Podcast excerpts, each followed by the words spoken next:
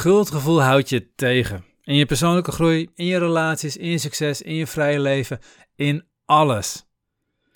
In deze korte aflevering wil ik direct met je naar de essentie. Je gaat leren waarom schuldgevoel de makkelijke weg is, maar een weg is die je alleen maar vastzet, die ervoor zorgt dat je jezelf klein houdt.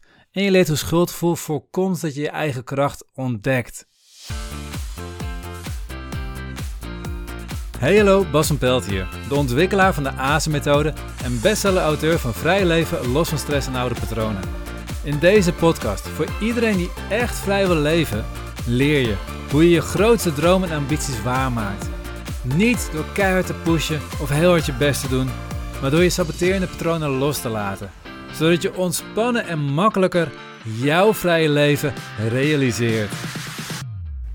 Weet je, als het niet lekker gaat, als je leven op alle manieren fout loopt, als als je tegenzit, als het gewoon SAIT is in je leven, dan is het heel makkelijk om daar ergens de schuld van te geven. Het is vooral makkelijk om andere mensen schuld te geven. Want als je andere mensen schuld geeft, hoef jij niet te veranderen. Het is nog makkelijker, om de situatie schuld te geven. Het ligt aan de economie, het ligt aan de overheid, het ligt aan weet ik veel wat. Want dan is het niet alleen dat je de schuld buiten jezelf legt, maar bij andere mensen die kunnen nog tegenspreken. zeggen, oh, het is helemaal niet mijn schuld. Als je aan de situatie schuld geeft, ja, die gaat niet tegen jou zeggen, dat is niet zo, want die zegt helemaal niks. Lekker makkelijk. Alleen, het interessante is, op het moment dat je jezelf de schuld geeft, dat is ook een makkelijke uitweg. Dat is ook een manier om je kracht weg te geven. Als jij jezelf de schuld geeft, dat is niet sterk, dat is slap.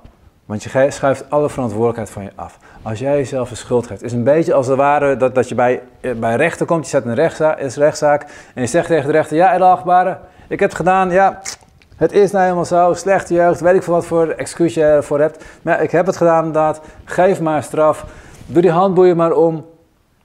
Het is makkelijk. Want op het moment dat jij straf krijgt, dat je zelf vindt dat je straf verdient, is het moment dat je zegt, ik kan niet veranderen. Of beter zegt, ik hoef niet te veranderen. Ik hoef alleen maar mijn straf uit te zitten. Het jammer is dat we dat in heel veel van onze opvoeding aanleren ook. Op, school is het vaak ook zo, als je je werk niet af hebt, dan moet je alsnog af gaan maken. Of je krijgt strafwerk, of je moet nablijven. Maar je leert niet veranderen. Je leert alleen maar, je hebt iets fout gedaan en nu heb je een straf. En daarna kun je lekker verder doorgaan met je leven zoals je altijd geleefd hebt. En dat is het verschil. Want wat je wil, is dat je in je kracht komt. Dat je niet in het slachtoffergedrag blijft zitten van ja, ik kan er inderdaad niks aan doen. Oh, het is ook erg. Oh, wat ben ik slecht. Nee, dat jij je kracht gaat voelen. In boeddhisme hebben we het over oprechte berouw.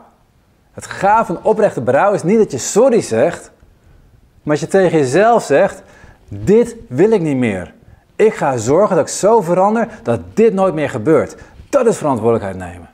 Niet je straf ondergaan, je schuld op je nemen. Schuldgevoel maakt je kapot. Want een schuldgevoel gun je jezelf niks meer. En gun je die ander uiteindelijk ook niks meer. Dus mijn vraag aan jou: hoe kun jij veranderen? Zodanig dat hetgene waar jij nu schuldig voor voelt, nooit meer hoeft te gebeuren. Dat is op berouw. Dat is echte verantwoordelijkheid nemen. Ik wens je een sterk weekend toe. Sterk weekend waarin jij totaal niet meer bezig bent met wie schuldig is, nooit meer de schuldvraag gaat stellen, alleen nog bezig is, bent met hoe kan ik dit anders maken. En dan ga je merken dat je een veel krachtiger en gaver leven gaat krijgen.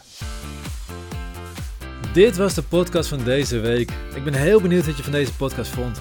Geef je app even een duimpje omhoog of een review. In Spotify kun je dit doen door naar de podcast zelf te gaan en daarop het aantal sterren te klikken onder de beschrijving van de podcast. Kun je jouw app geen review geven? Geef ons dan even een review op Google door te klikken op de link in de beschrijving van deze aflevering. Je helpt ons op deze manier enorm om meer mensen te bereiken, zodat ook zij vrij kunnen leven.